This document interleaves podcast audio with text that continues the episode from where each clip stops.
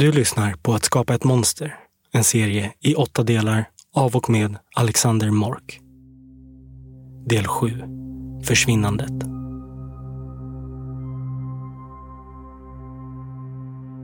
Morden på Helene Nilsson och Jannike Ekblad har varit olösta i tio år när Rikskriminalgruppens gärningsmannaprofilgrupp i februari 1999 gör en jämförande analys av morden med förslag om fortsatta utredningar. Jag ska läsa upp ett parti ur analysen. Om två kvinnor mördas på ett hantverkmässigt likartat sätt och därefter transporteras till avstjälpningsplats där kropparna dumpas finns redan där en signal om samhörighet. Att dessa mord sker inom ett tidsintervall av endast cirka fyra månader förstärker misstankarna om denna samhörighet. Till detta ska läggas att fyndplatsen finns inom ett avstånd av cirka 35 kilometer fågelvägen i en trakt som visserligen är tätbefolkad men ändå är ren landsbygd. Ses de två brotten enbart ur dessa förutsättningar föreligger ett så starkt samband att förundersökningarna borde samordnas och inriktas mot en gemensam gärningsman. De likheter som redovisats på detta ytterst sammanfattande sätt sönderfaller dessvärre i mängd olikheter när de i respektive brott ingående komponenterna noggrant skärskådas i en större förstoringsgrad. De två offren är åldersmässigt mycket olika. 26 respektive 10 år. Det första alltså en mogen kvinna och det andra ett outvecklat barn. Även som personer finns stora olikheter mellan offren. Den äldre kvinnan var en prostituerad narkoman medan den yngre var en helt oerfaren skolflicka. Som objekt för sexuella övergrepp var de två offren alltså olika och det är berättigat att ställa frågan om en och samma gärningsman, om han får välja, verkligen kan ha ett så stort preferensspann. Sammantaget kan alltså Rikskriminalgruppens gärningsmannaprofil inte med någon större grad av säkerhet säga att de bägge morden har samma gärningsman.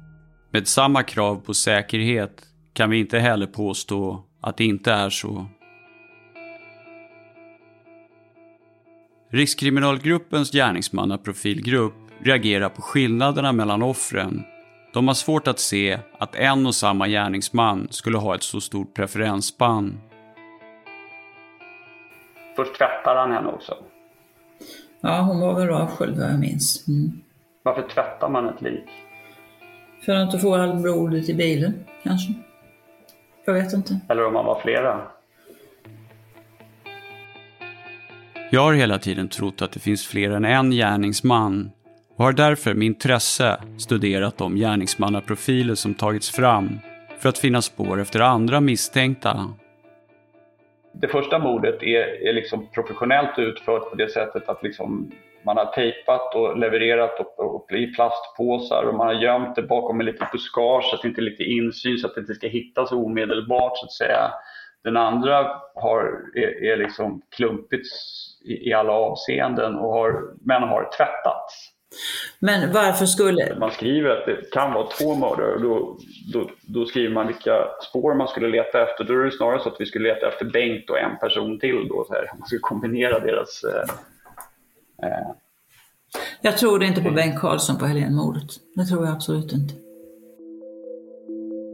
Polisen har i alla år letat efter en lågutbildad, känslokall och psykiskt störd gärningsman som begått sexbrott tidigare som lever utanför samhället och har svårt att behålla en anställning. Någon med hög återfallsrisk. Ulf Olsson var på många sätt en annorlunda person. Han var autistisk och bisexuell i en tid som inte accepterade homosexualitet. Och han levde 1989 till viss del utanför samhället och hade därför ibland svårt att få en anställning. Men ensamheten var självvald han tyckte om att vara ensam. Tills han i början av 1990 fick en son. Men det är också lite sådär, man mördar en tioårig flicka 1989 och sen så liksom ett år senare så har jag en liten bebis själv. Sådär. Yeah. jag ser inte den gärningsmannaprofilen på honom som man egentligen har målat upp. Ulf var ju till exempel de här som han var gift med, de här, de var ju rätt unga då. Kommer du ihåg det? Eh, bodde de inte Tyding, Örkelljunga trakter? Eh, de som han var gift med. Och jag menar, där har han betett sig fruktansvärt illa mot deras, till exempel katten som han i princip slaktade, dödade av den ena och sköt väl hunden hos den andra tror jag. Så där tror jag bara att man tycker för att han har blivit dömd för morden, annars skulle man inte reagera på det. Jag har läst hans sida av det och jag, jag tycker det är bara hysteri måste jag säga. Alltså, han, han, älskar sin hund, tar hand om dem och så vidare. Så där, de fick barn och han sköt deras hund för att den var aggressiv mot barnen. Liksom. Alltså, han, Nej, han men ganska... det, var inte den, det var inte den hunden jag tänkte på. Det, det var någon tidigare ja. som han var gift med en ung tjej. Var det inte också så att den här tjejen, hon blev inlåst i lägenheten när han jobbade? Eller? Under mina intervjuer så bubblar det då och då upp andra minnen från varför Ulf Olsson kan vara skyldig. Saker i hans beteende som de har lagt på minnet. Det är inga bevis, men hjärnan söker alltid efter en förklaring när en ondska finns närvarande. Jag tror därför att det kan finnas en överhängande risk att många av våra felsteg i livet kan misstolkas om vi skulle bli oskyldigt anklagade för ett mord på ett barn. Nej, jag tror, han var väl inte världens snällaste människa men det är, det är ingen som har anmält honom för misshandel, det är övergrepp, inga mm, grejer som att han har klagat jo. på någon för att de har rökt. Eh, hans fru tände eld på vinden och försökte sätta dit honom för eh, att hon tjuvrökte uppe på vinden så började brinna och sen sa hon att det var han som hade gjort det. Alltså allt blev ju liksom som att han hade gjort det efter att han hade fått DNA-träffen. Men hade du tittat på de här grejerna innan så hade inte du reagerat, det är helt övertygad om. Men visst hade han väl, jo men den här, det här dödandet av katten, var inte det ganska makabert? Som jag minns det. Ja, fan, jag tror människor dödar katter varje dag om ska vara Ja men hur? Hur gör man när man dödar en katt? Och jag menar om man Ja, precis. Men om man är gift med någon och det är inte något fel på katten och helt plötsligt så kommer man hem och visar nu har jag liksom slaktat en katt. Som ni har hört kriminaltekniker Tony Andersson nämna så var utredningen kring mordet på Helene Nilsson nästan i paritet med Palmeutredningen. Det finns alltså ett oändligt utredningsmaterial som ligger i slasken men de uppgifter som man gick till åtal med utgör bara några fåtal procent av allt det materialet. Och där har man endast valt ut de vittnesmål som ligger Ulf Olsson till last. Ulf Olsson var nog inte Guds bästa barn. Han kunde dyka upp onykter på sin arbetsplats och hans före detta partners vittnar om att han var svår att leva med. Samtidigt förhörs de om Ulf Olsson i samband med att hans DNA återfunnits i samband med mordet på ett barn.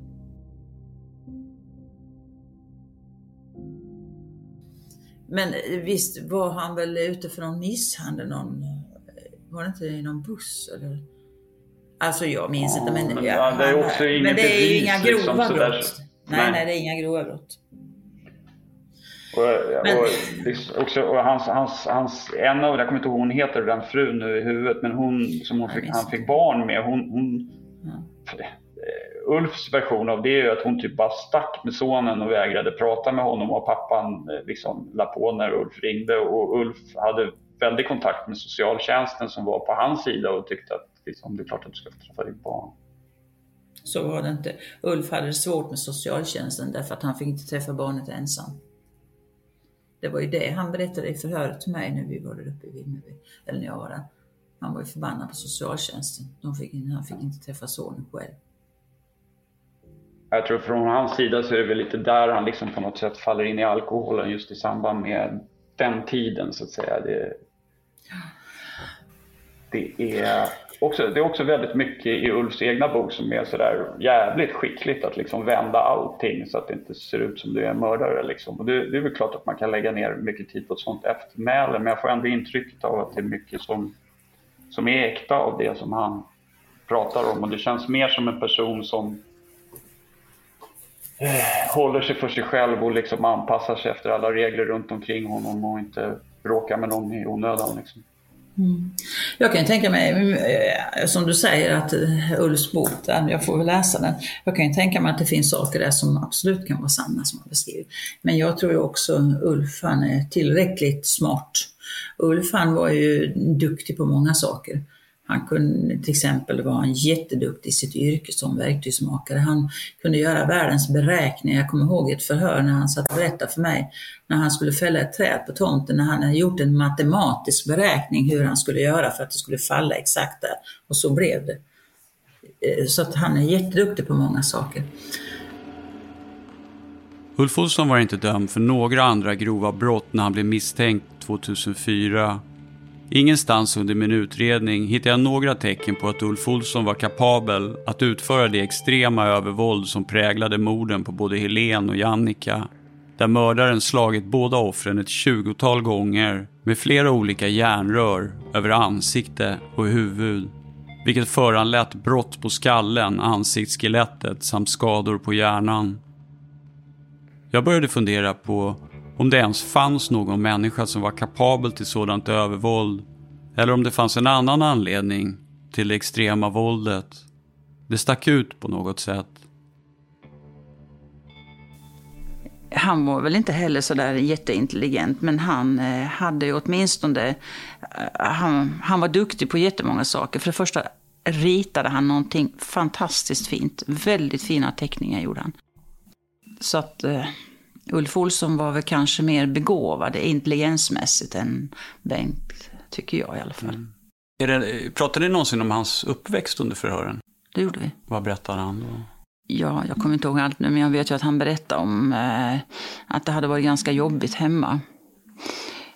Eh, pappan eh, var väl inte snäll och mamman var inte snäll mot honom heller.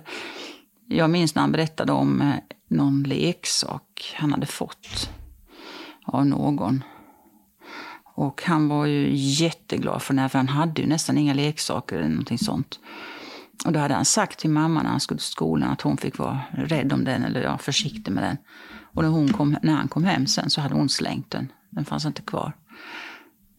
Och jag hörde ju, eh, eller hörde, eh, vi hörde ju grannar som berättade till exempel när han fortfarande var blöjbarn. Det kan man i och för sig vara till man är både fyra och fem år. Men då blev han utsatt i trappen när han var ja, bråkig eller skrikig. De bodde i en lägenhet då. I trappuppgången fick han sitta en stund. Och jag menar, hur kan man göra så mot sitt barn? Plus att han, när han kom upp i den åldern, 10-12 kanske någonstans där, så tog han ett litet knyte med sig och så gick han till skogen när han slutade skolan på fredagen och kom hem på söndagen. Han tyckte det var bättre där och han hittade väl föda bland buskar och bär och allt möjligt. Mer, och det han hade med sig såklart. Han har nog haft en svår barndom. Anledningen till att jag frågar lite är ju för att liksom när, någon, när någon blir dömd för sådana här brott och så vidare så brukar man ofta vilja hitta någonting i barndomen som kan ha så att säga förorsakat beteendet i, i, i äldre år. Då. Sen så, jag vet inte om ni pratade om det någonting, men i, i den rättspsykiatriska domen mot Ulf Olsson så, så bedömer man att han har autism och transsexualism. Och transsexualism är ju liksom ett väldigt då, skevt begrepp som man väldigt sällan hör överhuvudtaget. Men om jag har förstått det rätt från hans egen perspektiv då så, så fick, han, fick Ulf Olsson bröst i puberteten. Han hade en lite för hög östrogenhalt. Eh, det var aldrig någonting som ni kom upp under förhören? Eh. Alltså det, någonstans i bakhuvudet känner jag igen det här, men jag kan inte säga att jag kommer ihåg att jag har pratat med honom om det. Någonstans känner jag igen det här med bröst i puberteten. Ja. för, för, liksom för något sätt sådär mellan raderna, han skriver väl inte det rakt ut själv, men han, han, han låter väl en förstå att han hade ingen att prata med det om och fick gömma sig i smyg för alla andra mm. för att han hade bröst och blev retad och eh, just liksom utvecklades väldigt, väldigt sent. Mm. Det känner jag också igen, att han var sent utvecklad. Ja. Mm. Men, men så att säga, det var väl ingenting som han någonsin fick, fick någon hjälp med utan, utan det var en del av domen sen, så att säga. Att man mm. kom på att han var, hade någon sorts liksom, autistiskt drag. Men det var ingenting som du reagerade på under förhören, att det fanns svårt att få kontakt på sådär? Nej. Alltså han var ju speciell att hålla förhör med. Man kunde inte föra samma resonemang med honom som man till exempel gör med en, en får vi säga, vanlig människa, eller de flesta, kan man ofta diskutera saker med. Men ibland när man hamnar i sånt läge med Ulf, det var liksom svårt. Ibland kändes det som att det var svart eller vitt för honom. Liksom. Och det kan ju vara en form av autistiskt drag. Ja, nu efteråt så kan man ju kanske tänka att det kan ha varit så, ja. Mm. Jag, för jag anar ju liksom en ganska intelligent människa. Så där, när jag läser i, i, eh, i protokoll så, så berättar liksom personal på rättspsykiatriska och i häkte så där, att Ulf Olsson hjälpte alla med att lösa alla korsord till exempel. Så där. Och han är ju inte så det är en väldigt självlärd människa för han, han, han försvann ju till sjöss för att fly från sina föräldrar i ganska tidig ålder och sådär. Alltså. Men. Eh.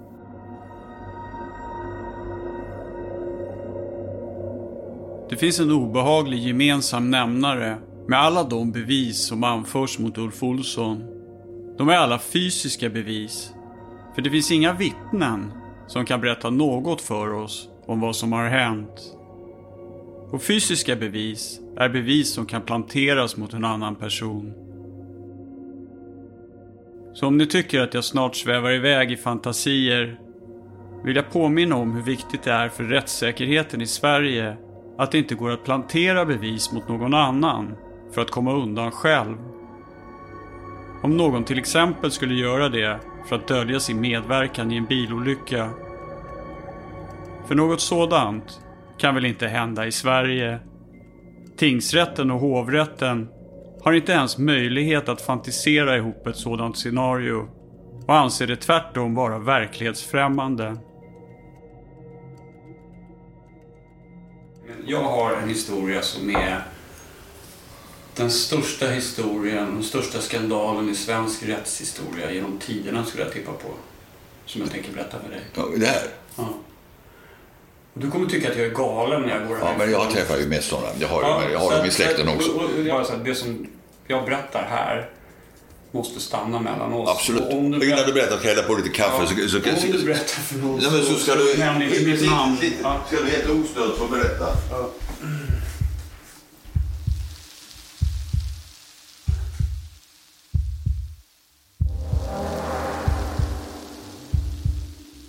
Då ska jag göra någonting som min familj säger att jag är väldigt dålig på. Nu ska jag låta dig prata utan större. Okej. Okay. Jag intervjuade Monica Olhed som var kriminalinspektör som höll förhören med Ulf Olsson. Och, har du gjort det nu, alltså i nutid? Ja, alltså jag har gjort väldigt mycket research och liksom, jag har faktiskt löst alla morden här. Sen om du tror på mig, det vet jag inte. Som sagt om du tror på mig, det vet jag inte efteråt, men det får vi ta då. Okay. Uh, är det några som finns i domstolen nu? Eller? Ja, okay. He Helen, alltså hur jag kom fram till det här, det är en så lång historia. Så att, så här, men jag tror så här att 1989, den 20 mars, så var en ung man på väg hem. Helt plötsligt så bara smäller det. Liksom. En liten flicka kommer in framför bilen. Och hon blir, så, hon blir så skadad så han tänker hon kommer aldrig leva. Men alltså min karriär, allt, mitt liv kommer gå i bitar om hon märker det här. Så han kastar in den här lilla 11-åriga flickan i bilen.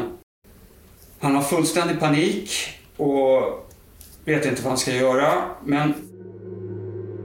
Helens obduktion utfördes av rättsläkaren Anders Ottosson och i domen mot Ulf Olsson i Lunds tingsrätt den 6 april 2005 kan man läsa att Helen vidare har företett blåmärken och hudavskrapningar på huvudet, ett sår i högra kindens slemhinna, 20 sår i huvudsvålen, brott på skallen och skador i hjärnan, två blåmärken och en hudavskrapning på högra armen, tre blåmärken på vänstra armen, två hudavskrapningar och två blåmärken på bålen, ett blåmärke och två hudavskrapningar på högra benet, två blåmärken på vänster ben. Enbart med ledning av obduktionsfynden kan det inte närmare anges på vilket sätt skadorna har uppkommit. Att såren i huvudsvålen, brotten på skallen och skadorna på hjärnan väl kan vara en följd av slag med trubbigt föremål, medan hudsåret på näsan och brottet på näsbenet väl kan vara en följd av slag med ett skarpkantat föremål. Att strypning och skadorna på skallen och hjärnan var för sig eller i samverkan med varandra till fullo förklarar hennes död. Att hennes död varit en följd av en annans handaverkan samt att tidpunkten för hennes död inte kan anges. Men att obduktionsfynden starkt talar för att hon under förutsättning att kroppen inte förvarats kallt efter döden avlidit något dygn innan hon påträffades den 26 mars 1989. När jag kollar obduktionsprotokollet på Helene så ser jag att hon har massa skador på bål, ben, blåmärken. Varför får du det av en våldtäkt liksom? Här, båda benen, vänster och höger ben. Så jag tror att hon har sprungit så här, du vet hur tjejer, man springer. För 1931 cirka så sitter en man så här som vi sitter och hör ett barnskrik genom fönstret, utanför, utanför fönstret någonstans. Och sen ingenting mer. Och sen har man aldrig hört någonting av Helen. Och Helen kom aldrig ikapp sina kompisar. Mm. Så eh, Ulf Olsson har då med en hund smugit upp, tagit henne och bara så här lyckats att ingen har sett honom göra det. Det är liksom så som historien är. Jag tror att någon har kört på Helen istället och fått det att se ut som ett sexbrott.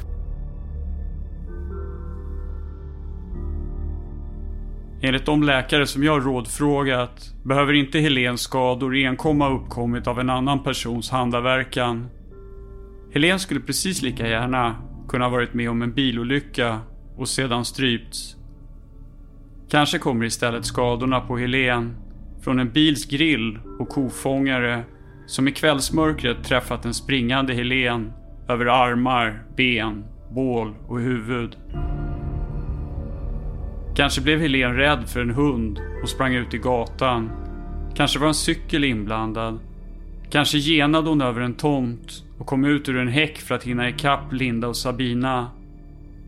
En bilolycka skulle resultera i liknande blåmärken och hudavskrapningar som vi kan läsa om i Helens obduktionsprotokoll. Hade spermier i slidan så måste det ju ha varit någon form av sex. Ja, men vi kommer till det. Okej.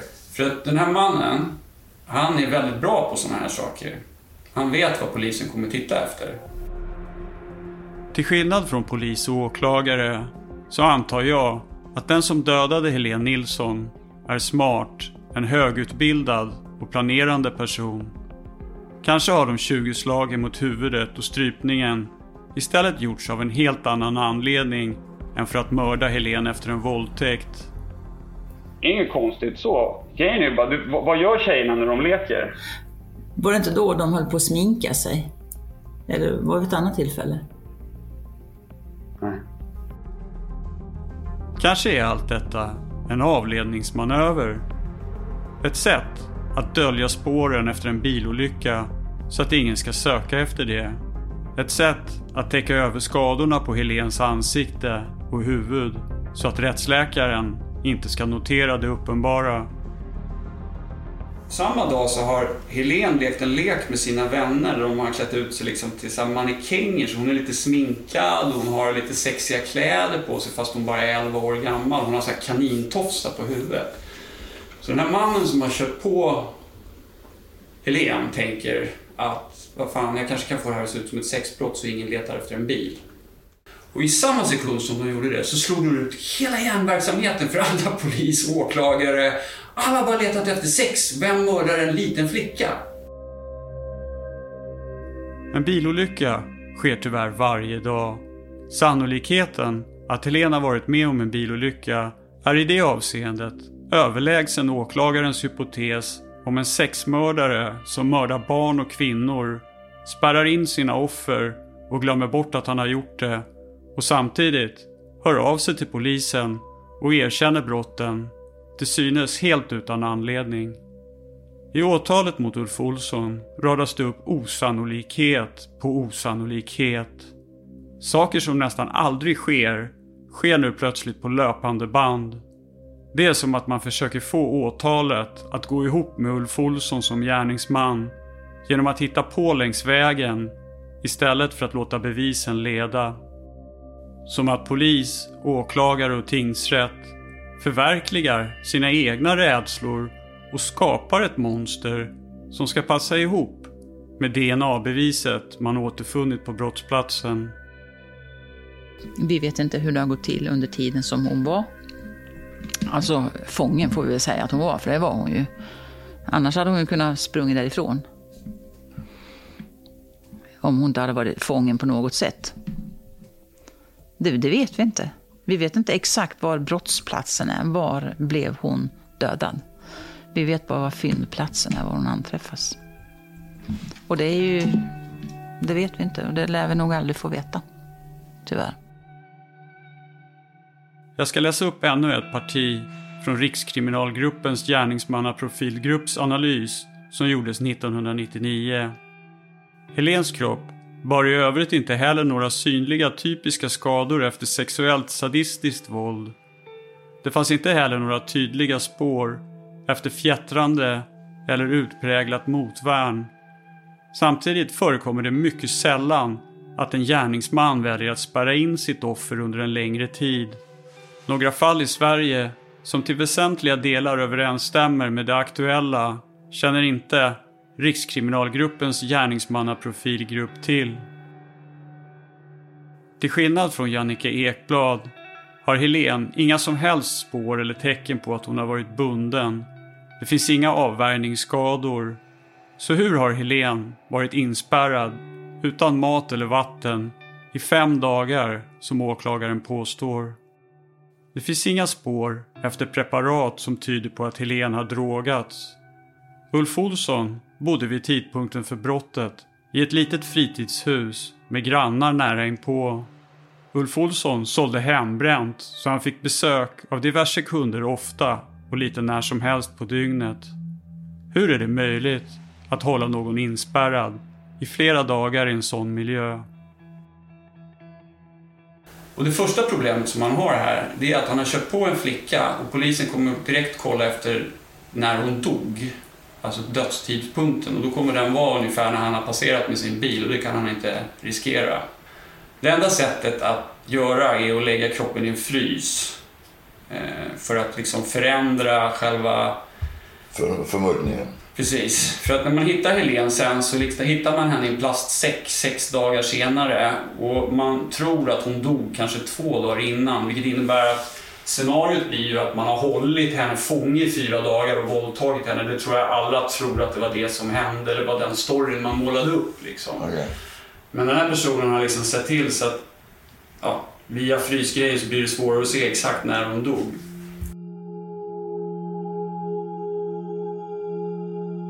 Att en oskyldig människa döms till fängelse för mord är ett av de absolut största maktövergreppen som kan ske i vårt samhälle Därför ska det alltid finnas bevis som gör att vårt rättssystem, bortom allt rimligt tvivel, kan fastställa att den åtalade är skyldig. Här räcker det inte med 50, 60 eller 70 procents säkerhet. För bortom rimligt tvivel krävs mer naturvetenskapliga mätvärden. Cirka 98,3 procents säkerhet är en bättre siffra att utgå ifrån. Det är så säkra vi tror att vi kan bli i den bästa av världar. Och i Ulf Olssons fall är jag häpen, mållös. Jag har funnit tvivel överallt. Det kryllar av spår efter fler gärningsmän och alternativa händelseförlopp. Ingenting går riktigt ihop. Nej, så tänkte inte Ulf tror jag. Jag tror inte men, det. Men, ni, men ni, ni liksom, som poliser så ger ni honom liksom så här mastermind-smarthet och han liksom kan allt och, och är iskall och säger ingenting. Men samtidigt så är han så här svinkorkad och liksom så här blir full Nej. och somnar med simkortet, ringer från konstiga ställen och säger... Ja, men det är Ulf. Det är Ulf. Sån är han. Det var Ulfs person.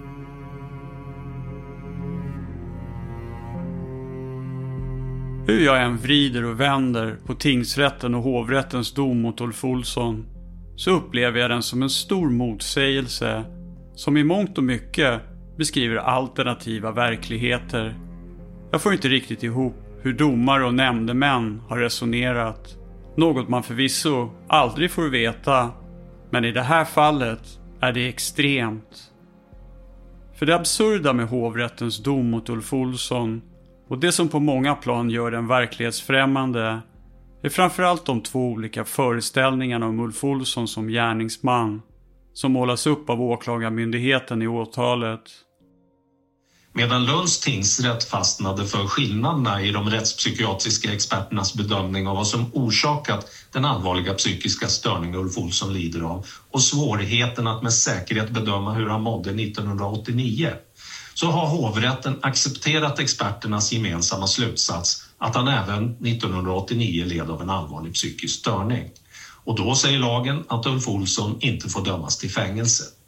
Ulf Olssons advokat Sven Järnryd är nöjd med hovrättens dom, men det är inte hans klient. Nu är det ju så att eh, jag har pratat med Ulf och Ulf han är ju fortfarande av den uppfattningen att han är oskyldig. Om Högsta domstolen skulle besluta att pröva ärendet så blir det inte i skuldfrågan utan vilket straff Ulf Olsson ska få. Därför tänker advokat Sven Järnryd råda Ulf Olsson att inte överklaga. Åklagaren beskriver i åtalet mot Ulf Olsson en gärningsman som inte kan erkänna sina brott på grund av att han har förträngt dem. Minnena har varit så obehagliga att hans undermedvetna har tagit bort dem, raderat dem. Ulf Olsson bör därför betraktas som en helt livsfarlig mördare som gång på gång kan komma att begå brott helt utan förvarning och sedan glömma bort dem. Kanske finns det ingen farligare människa.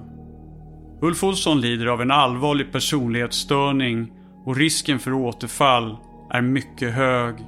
Han är därför i behov av rättspsykiatrisk vård. Trots att det inte finns några signaler om att Ulf Olsson har begått några brott under 15 år i frihet. Att en gärningsman förtränger minnena från sina brott är en mycket ovanlig företeelse det finns många kända fall där det har påståtts att förövare förträngt minnen från sina brott. Men de flesta har visat sig vara falska. Till exempel Kevin-fallet. Samtidigt så målas också en helt annan gärningsman upp av åklagaren. Sen spär han på det med att ha bevis på att den här mannen själv har kontaktat polisen den 28 maj i år och faktiskt tagit på sig skulden för båda morden. Så sammantaget så tycker jag att det redan nu känns som att det blir väldigt svårt för mannen att ta sig ur det här och inte blir saken bättre av att han säger att han inte kommer ihåg någonting. Denna gärningsman är en man som plågas av sitt samvete och är besatt av morden. Ulf Olsson ska enligt åklagaren ha återkommit gång på gång och erkänt sina brott via anonyma samtal och brev. Den jävla ensamheten. Helen och Jannika, Jag tog dem båda. Gärningsmannen har även angett sitt motiv. Hade jag inte blivit mobbad och trakasserad i Hörby grundskola hade det väl aldrig hänt. De sista anonyma erkännandena inkommer till polisen bara några veckor innan Ulf Olsson blir anhållen. Vid en tidpunkt då han inte själv vet att han är misstänkt. Men hur är det möjligt att Ulf Olsson kan vara båda dessa två personer? Den som inte minns sina brott och den som samtidigt erkänner dem. Man måste ställa sig frågan hur två så vitt skilda beskrivningar av samma gärningsman samtidigt kan vara en och samma person. Det är helt orimligt. För vad är det för minnen åklagare Per Andersson påstår att Ulf Olsson i så fall har förträngt? Eftersom att de anonyma samtalen med erkännanden till polisen anförs som bevis emot Ulf Olsson. I så fall så har han berättat om brotten och minns dem. Och då borde Ulf Olsson snarare betraktas som en lögnare. Att man inte erkänner kan ibland också bero på att man inte vet vad som har hänt. Det händer att människor blir oskyldigt dömda. Eller han um, förnekar det här jag beskyllde honom för. Alltså jag, jag minns inte ordagrant, eller exakt hur. Men han var väl lite mer åt det apatiska hållet i så fall. Kan jag tycka. Ja, men jag har ju läst förhöret och det jag får fram av det där är väl att han gråter och saknar sin hund och inte förstår. Han säger bara varför gör ni så Just... här mot mig? Varför gör ni så här mot mig? För han förstår äh, ja. inte vad, ja, Just vad, vad det, det kommer jag ihåg. för egentligen. Alltså liksom, han förstår att ni säger att ni har DNA-prov men, men hans inställning då, nu talar jag från honom som en oskyldig person då, är ju mer så här att ja, men det får vi väl lösa sen, det vet jag ingenting om. Det kommer jag ihåg nu att han var väldigt bekymrad över sin hund, vart den, var, vart den skulle ta vägen. Det minns jag. Och när vi pratade om hunden då blev han helt plötsligt samarbetsvillig.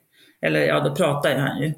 Men det kommer jag ihåg att han var väldigt beklämd för det här. Och jag tror faktiskt att det redan i det första förhöret som han påstod att det här DNA-provet måste vara fel.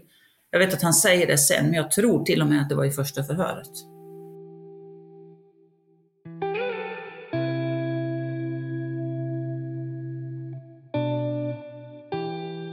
Hur onykter Ulf Olsson är midsommarnatten i juni 2004 i det första förhöret vet jag inte, för jag nekas tillgång till video och ljudband från förhören. Ulf Olsson berättade under förhöret med Monica att han fick dricka sprit hemma för poliserna som anhöll honom. Kanske tyckte poliserna att det skulle förenkla det kommande förhöret att Ulf Olsson tog en sup till innan. Men Ulf Olsson hävdar onykter sin oskuld i det första förhöret fram till det nyktra sista och hela vägen in i döden. Av någon anledning blir det svårt för media att tolka de bevis som åklagare Per Andersson presenterar på ett korrekt sätt. Det presenteras rena faktafel i nyhetsrapporteringen. Vi ska börja med att lyssna på ett klipp från Radio P4 som bevakade rättegången i Lunds tingsrätt. Chefsåklagare Per Andersson har idag beskrivit hur 52-åringen är kopplad till Helene Nilssons döda kropp genom de spår av sperma han lämnade, genom könshår som fastnat på den bruna packtejp som var virad runt de svarta sopsäckarna och att 52-åringen i maj erkänt morden i telefon. Som ni kan höra verkar både åklagare och reporter tro att det är fastställt att könshåret kommer från Ulf Olsson. Men det gör det inte. Så här skriver SKL om det könshår och hårstrå som återfinns på brottsplatsen.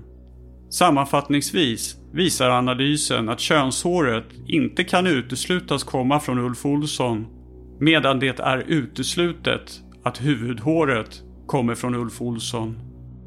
Så det verkar orimligt att man kan säga att könshåret knyter Ulf Olsson till brottet eftersom att man inte kan säga att det är hans könshår eller huvudhår.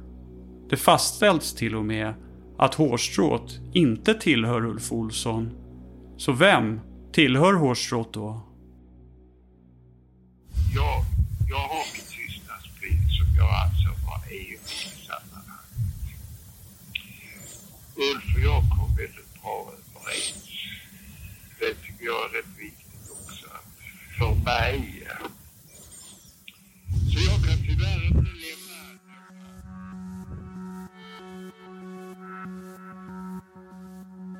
Under lunchen ringer plötsligt advokat Sven Järnryd som var Ulf Olssons försvarsadvokat under förhandlingarna i tingsrätt och hovrätt 2004 och 2005. Advokat Sven Järnryd säger kort att han inte kan tala med mig om Ulf Olsson på grund av evig tystnadsplikt. Han säger att han och Ulf Olsson kom bra överens, vilket är lite underligt, för det gjorde de inte alls. Och sedan avslutar advokat Sven Järnryd snabbt vårt samtal.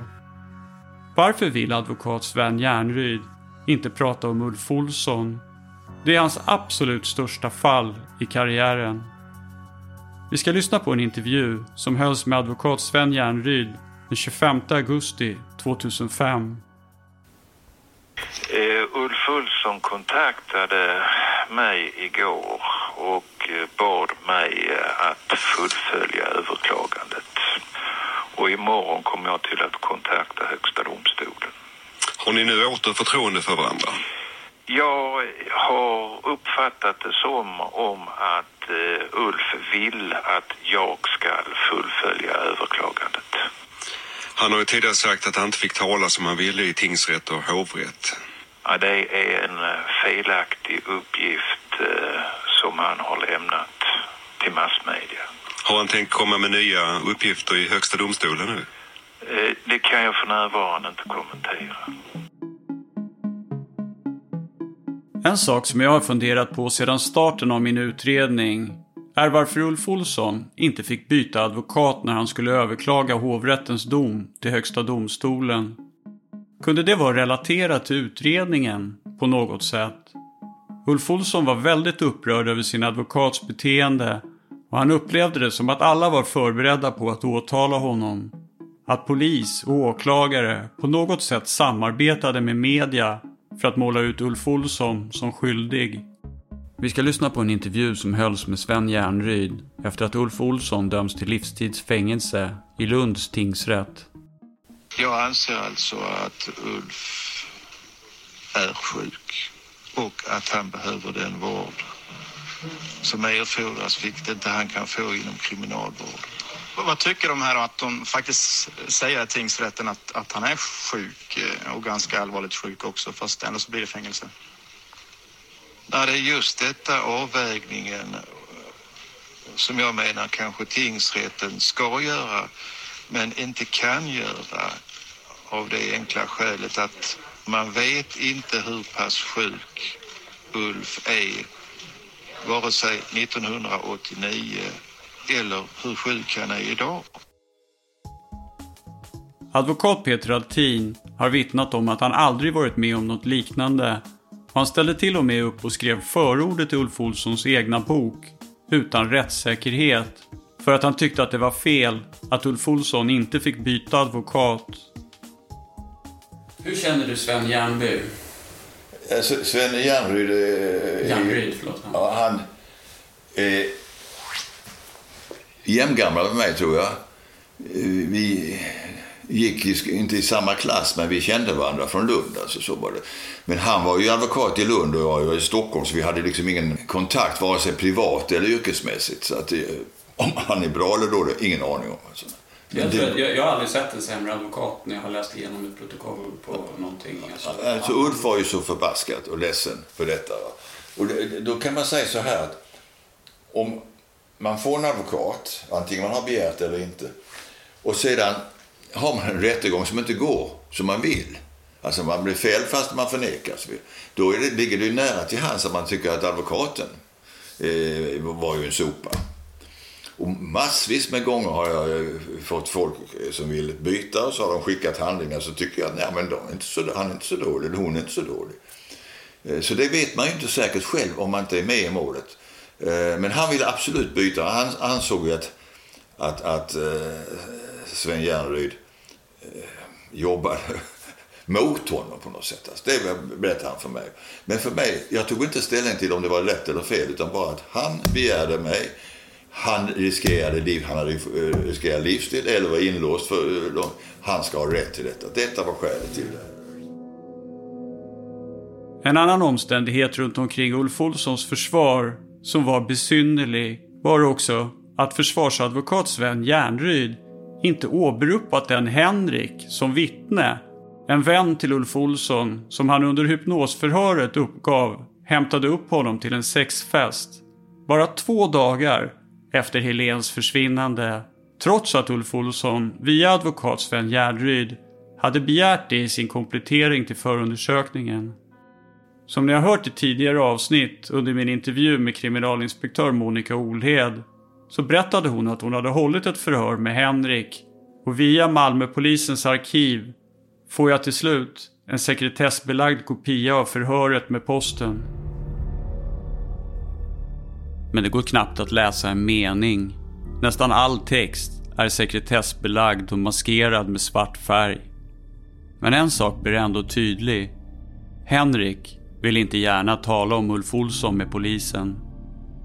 Henrik uppger att han inte vet vem den Ulf Olsson som figurerat i massmedia är Henrik har aldrig sett eller träffat honom. Henrik får också se nio foton men känner inte igen någon på bilderna.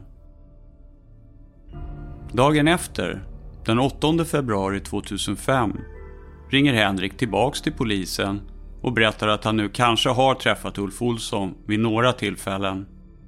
Ulf har besökt honom när han bodde på Dalagatan en till två gånger det var under 70-talet och de sågs och umgicks inomhus i Henriks lägenhet.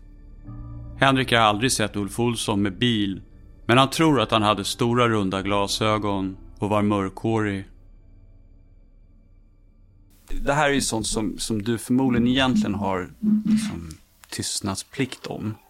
Så jag tänkte om jag gör det på ett litet annat sätt. Så i Ulf Olsson beskriver Henrik som eh, tio år äldre än honom själv. Eh, rödhårig med röd mustasch och rött könshår. Eh, det är väl typ den beskrivningen jag får av honom. Var det den mannen du träffade? Könshår kan jag inte uttala mig om. Men jag, jag vill minnas att han var rödlätt. Ja, jag har för mig det. Åldern kommer jag inte ihåg, men jag kan tänka mig att det kan vara så. Mm. Ja, för jag, jag, tycker också det är lite underligt, för att Ulf, Ulf Olsson beskriver att de har haft en kärleksrelation i, i flera år. Liksom, ja. Innan ja, Ulf börjar arbeta som, som eskort och, och blir mm. bokad till kunder. Och enligt Ulf Olsson själv så var det där ett, att var prostitutionen dels liksom ett sätt att få extra pengar för att han inte hade mycket pengar. Men också ett sätt för att han själv uppger att han var så blyg så att han inte vågade ta kontakt med varken kvinnor eller män. Så att, att, att vara prostituerad var liksom en enkel lösning. Mm.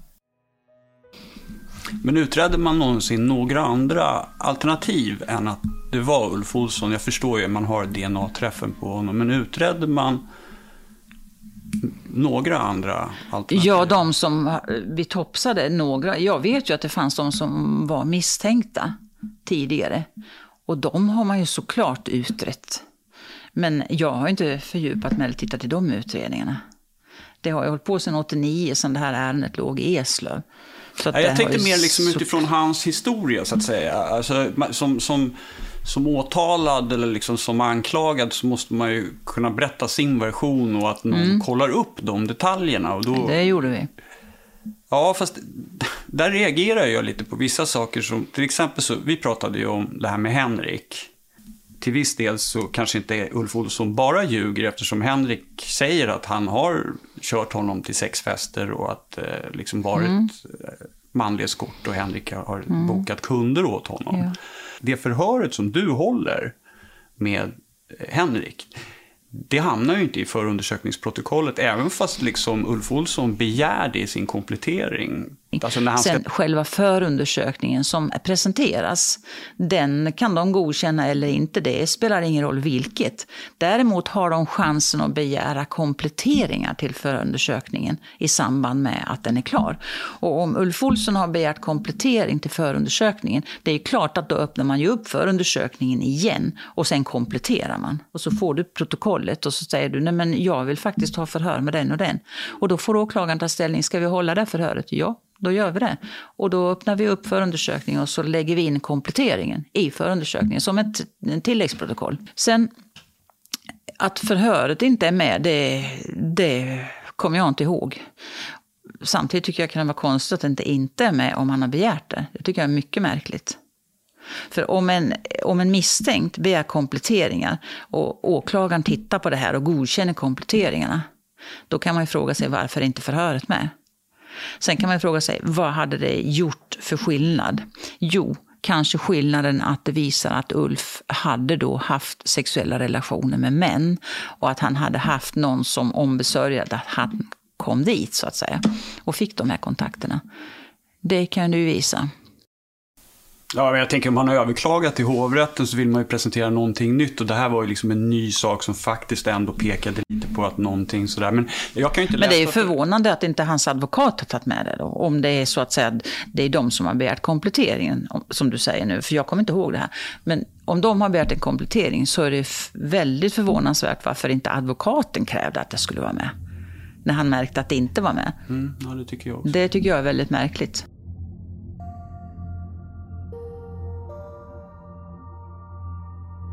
Jag ska läsa upp en artikel i Expressen från den 12 februari 2005. Alltså fem dagar efter det förhör som Monica håller med Henrik.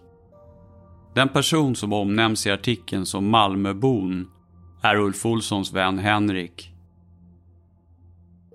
Rättegången är inte avslutad och nya vittnen kan kallas, men det kan omkullkasta hela processen. Om ny bevisning förs in i rättegången blir hela den nuvarande rätten med Jan Alvå som ordförande jävig eftersom rätten redan slagit fast att Ulf Olsson är skyldig. Ulf Olssons advokat Sven Järnryd har inte bestämt sig för om han vill förhöra Malmöbon. Men han anser att vittnet ställer Ulf Olssons trovärdighet i en ny dager. Det verkar som att det finns beröringspunkter med morden, så jag vill självklart åberopa de förhören. Jag är förbryllad över det här som du säger, Sven Järnryd säger att han begärde det och inte kom med.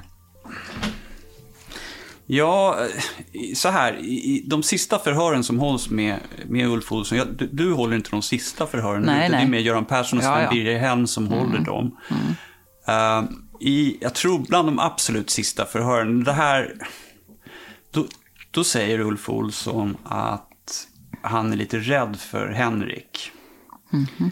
Och han är rädd för sin systers säkerhet. Mm -hmm. Så att till slut så väljer han att inte prata mer om Henrik. Um, och, och, och, då när, när Ulf då bodde i, i Örkelljunga, Tyringe och besökte kunder så misstänkte Ulf själv, det här säger han alltså i förhören, eh, att Henrik har pressat Ulf Olssons kunder på pengar och, och, och skylt på Ulf. Alltså så att säga, det här är homosexuella relationer på 80-talet mm. som var väldigt förbjudet på den tiden kan vi ju säga. Det, mm. Idag lever vi i en helt annan ja. värld mm. så att säga. Eh, och Ulf Olsson misstänkte att Henrik liksom tjänade lite extra pengar Mm. på att pressa de här människorna och skylla på honom. Och i slutet av förhören då så vill han inte prata mer om Henrik för att, av rädsla för sin syster.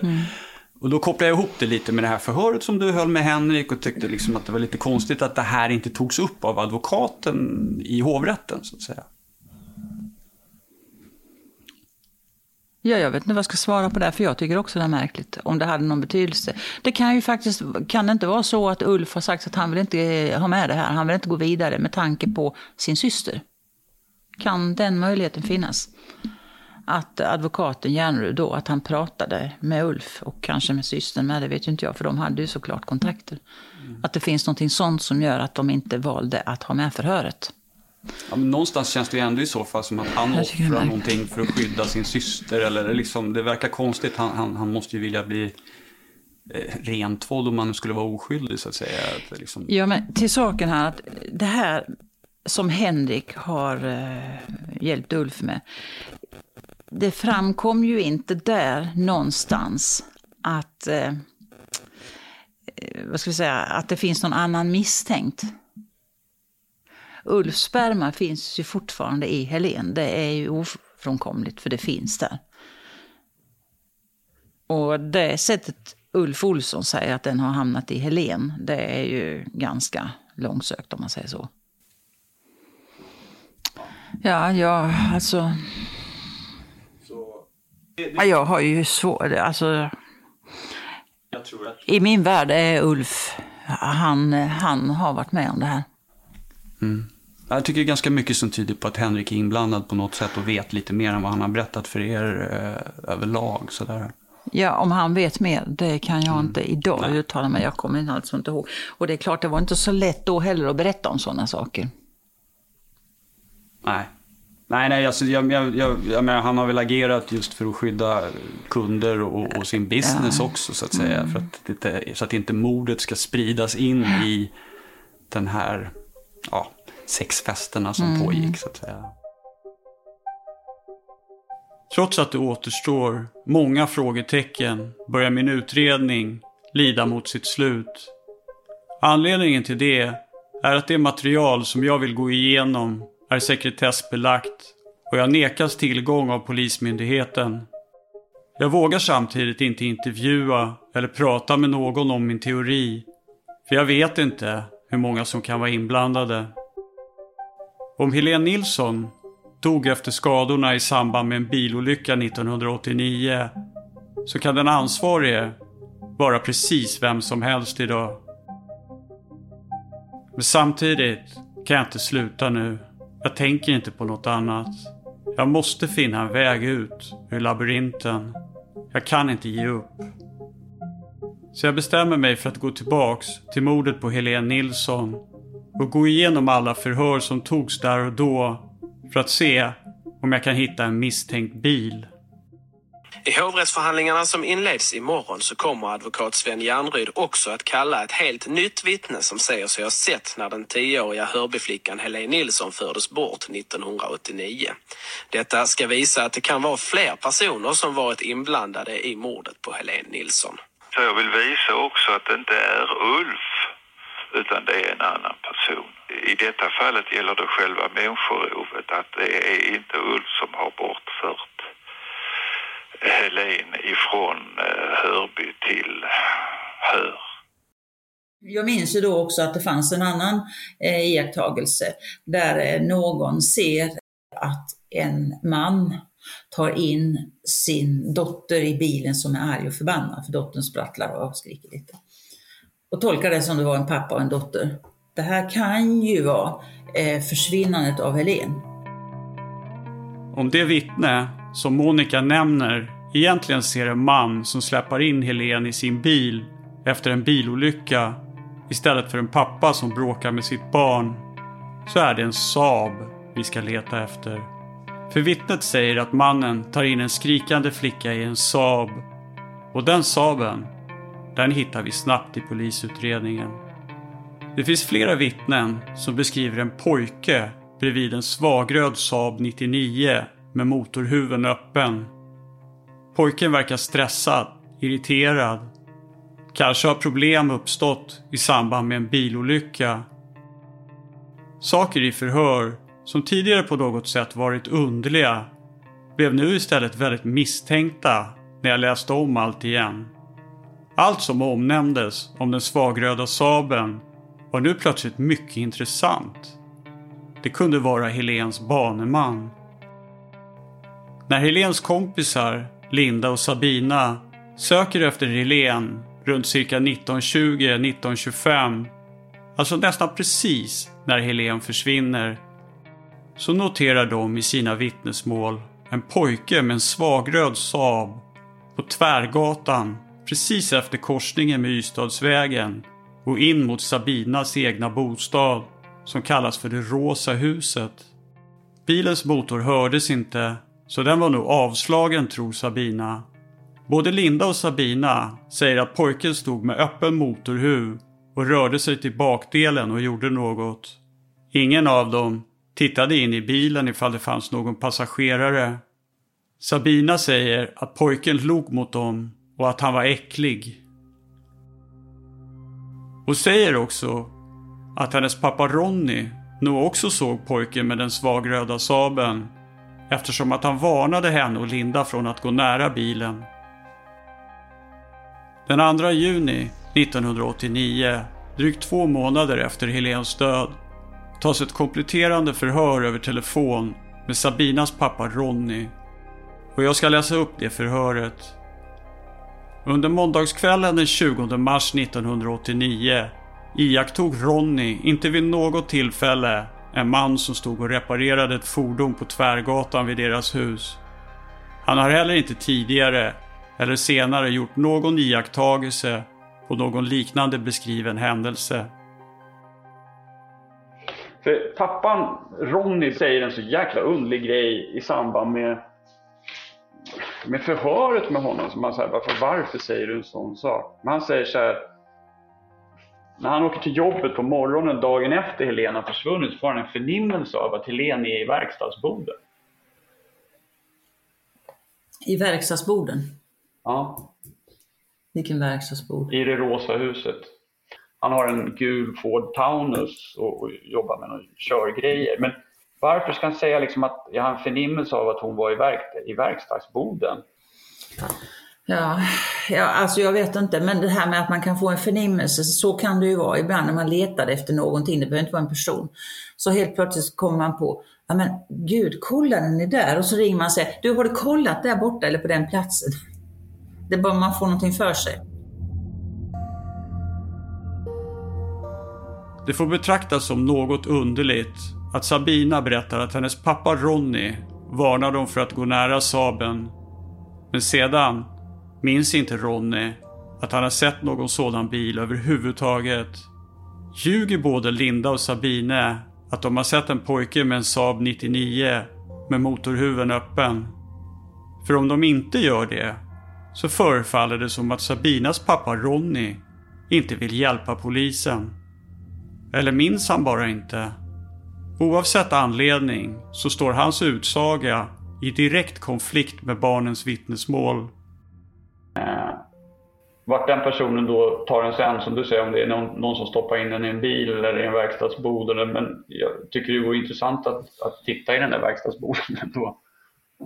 Mm. Men det har man ju säkert gjort ju då. Eftersom han har kommit med en sån förnimmelse så har man ju såklart kollat i den. Mm.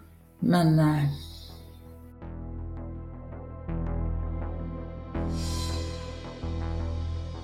Och det finns fler udda betraktelser av den misstänkta Saben. Det vittne som hör ett onormalt kort barnskrik klockan 19.20-19.30, Sabinas granne Lars Tulldal, åker själv ner till lågprisaffären för att köpa diskmedel någon gång cirka 19.50-20.00. Cirka 40 minuter efter Helens försvinnande. Det är en kort resa ner till lågprisaffären och på vägen hem cirka 10 minuter senare så möter Lars en Saab som står längre ner på gatan. Saaben blinkar med helljuset mot Lars som reflexartat blinkar tillbaks mot Saaben som sedan börjar köra emot honom och passerar honom. Lite längre fram på gatan noterar Lars också en ljusblå metallic Ford Taunus herrgårdsvagn som står parkerad utanför Sabinas hus. Ford Taunusen har motorhuven öppen och en man i 30-årsåldern gör någonting med motorn. Helene Nilsson syntes senast vid liv när hon sprang efter Sabina och Linda som var på väg till Sabinas hus. Och det pågår misstänkta saker precis utanför huset i anslutning till hennes försvinnande. Inom loppet av 40 minuter har två bilar problem som föranleder att de måste öppna motorhuven och båda gör det precis utanför Sabinas hus. Varför är Saben som hade motorproblem fortfarande kvar i samma kvarter 40 minuter efter Helens försvinnande? Så här många år efteråt så finns det inte så mycket att gå på. Och jag vet inte hur det är med er spindelkänsla. Kanske reagerar ni också på att barnen beskriver föraren till den svagröda Saben som en pojke, men uppger att han är 20 till 24 år gammal. När jag testar på mina barn så svarar de instinktivt man på alla över 18 år, inte pojke. Kanske beror det på att han ser ung ut men har en bil. Eller kanske så beror det på att pojken är kort och att barnen därför uppfattar honom som en gammal pojke. Varken Sabina eller Linda känner igen pojken, så kanske kommer han inte från Hörby. Han kanske bara passerar. Enligt Helens kompis Lindas vittnesmål hade pojken med Saaben fula blåa jeans. Under obduktionen finner man fiber från blått jeanstyg på Helens kropp. Och i analysen av brevet som skickades till polisen 1989 ansåg psykolog Barbro Roslund att vi borde leta efter en ung gärningsman som kallar kvinnor för tjejer. Ulf Olsson var 37 år 1989. Men här har vi istället en ung man på 20-24 år. Och det finns även en annan detalj som jag grubblar över när jag läser Lars Tulldals vittnesmål. Den Saab som han möter blinkar med helljuset mot honom. Varför blinka med helljuset på en liten villagata? Är det ett försök att blända Lars så att han inte ska se registreringsnumret på Saaben? Eller är det kanske en signal till mannen med den ljusblå Ford Taunusen om att Lars kommer in på gatan? En varning till den 30-åriga mannen som står parkerad med öppen motorhuv precis utanför Sabinas hus. Har pojken med den svagröda Saben nyligen fått starthjälp av Taunusen? Det skulle i så fall innebära att det var fler personer som var inblandade i en eventuell bilolycka. Gärningsmän som har plågats av sina samveten och jagats i sina drömmar i över 33 år. Men ändå lyckats bevara hemligheten. Och kanske, kanske är den hemligheten något alldeles, alldeles extra. En hemlighet som är så osannolik att inte ens någon har letat efter den. Han har ju på ett intellektuellt plan kunnat fatta att det finns ju ett samband nu mellan uh, Ulf och uh, Jannica. Men därmed inte sagt att uh, han har begått mord eller dråp. Men han förstår på något sätt att, att, han, att han har haft samröre med Jannica? Svar ja. Detta sett också i belysning av att eh, man ju tidigare har funnit blodrester som har analyserats i hans stuga som just hänför sig till eh, Jannica. Men han kan inte förstå att han skulle ha, eh, skulle ha, ha bragt henne om livet? Det är hans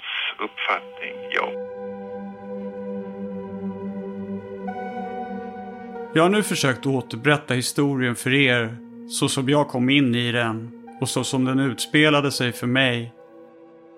Jag var övertygad om att jag var något stort på spåren. Att jag på något sätt hade löst Helens plötsliga försvinnande och skulle kunna påvisa en alternativ version. En teori om flera alternativa gärningsmän och en bilolycka. Men så sprang jag rakt in i en återvändsgränd. Mm.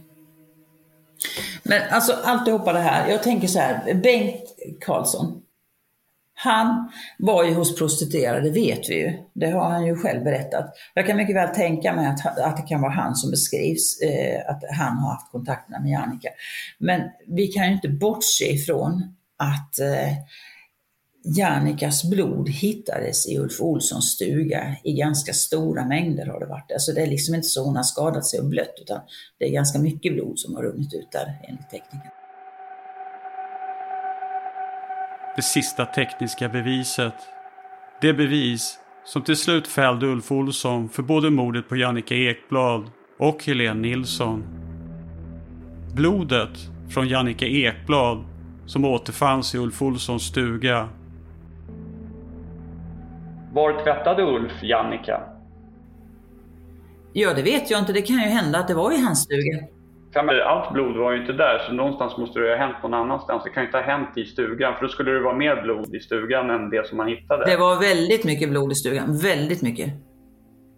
Efter, efter vad teckningen, som jag minns det, så teckningen beskrev det, det var väldigt mycket blod i stugan. Och man ser att det är blod som har försökt eh, liksom tvättats bort.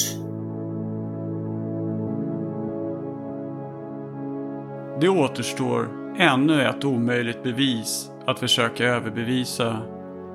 Och några timmar innan jag ska intervjua kriminaltekniker Tony Andersson om blodfyndet i Ulf Olssons stuga får jag tag i Rickard Arvidsson som gav ut Ulf Olssons bok Utan rättssäkerhet.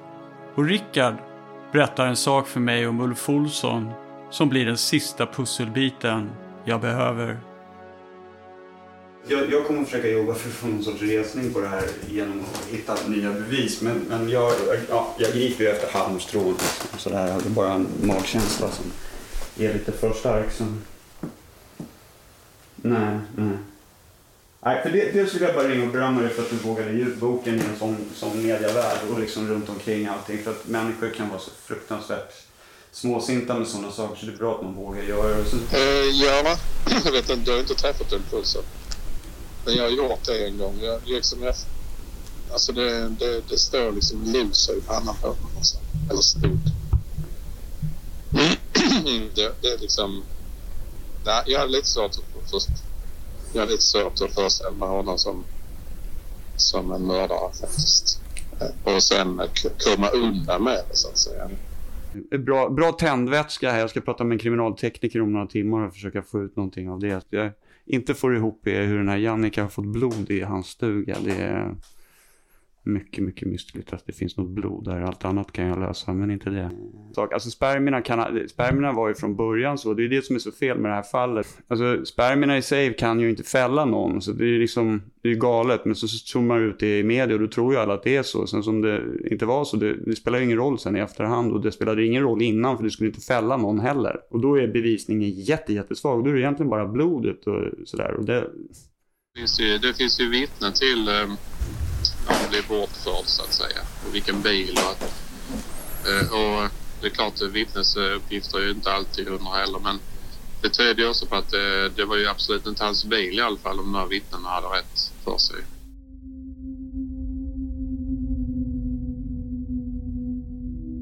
Efter att jag avslutat mitt samtal med Rickard Arvidsson så förbereder jag mig på min intervju med kriminalteknikern Tony Andersson om blodet från Jannica Ekblad som återfanns i den stuga som Ulf Olsson bodde i 1989. Och jag studerar återigen förundersökningen om mordet på Jannica Ekblad och jag går igenom rättsläkarens utlåtande och det är då det slår mig. Det har alltid funnits där, men det är först nu som jag verkligen förstår innebörden av det. Jannica Ekblad har skärsår över hals, handled och fotled som gjorts med en kniv. Men det finns inga andra skador på Jannikas kropp från kniven. Hon har bara blivit skuren på tre ställen som han blöder ymnigt ifrån. Som om någon velat samla blod från Jannica.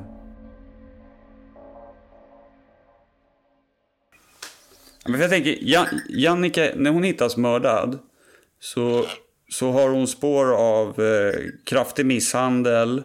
Hon har ett skärsår på höger fot, på höger arm och under halsen.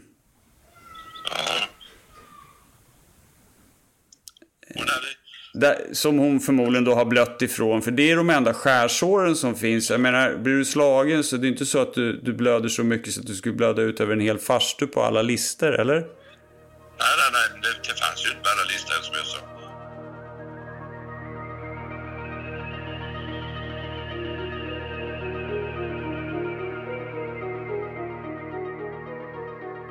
Och några timmar senare faller alla delar av mysteriet på sin plats och jag hittar vägen ut ur den egendomliga labyrinten.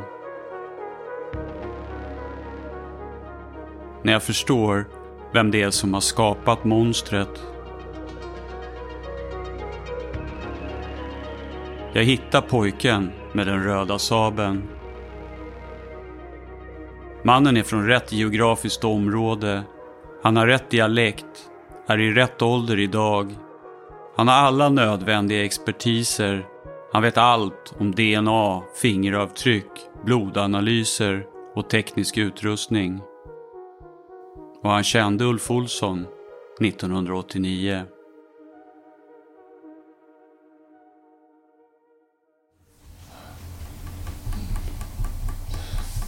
Det, det, alltså... Och det är, det är världens största jävla story. Men, men, ja, det är ju... Det är när historier blir nästintill obegripliga, hur många som de möjligen också kan vara sanna. Det är ju det som är det märkliga. Att, äh, man, det, det som, ofta är det så här att det som ligger närmast till hands också är riktigt. Det brukar vara så.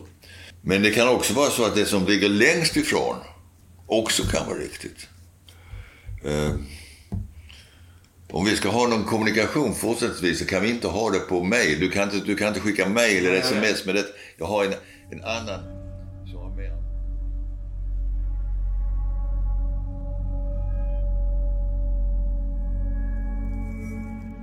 Du har lyssnat på podcasten Motiv och på del 7 av Att skapa ett monster. En serie i åtta delar producerad av Alexander Mork. Exekutiv producent Nils Bergman. På att skapa ett monster.se kan ni själva fördjupa er ytterligare i Alexanders research och ta del av tidslinjer och förundersökningsprotokoll och annat material. Länken finns även i avsnittsbeskrivningen. Tack för att ni lyssnar.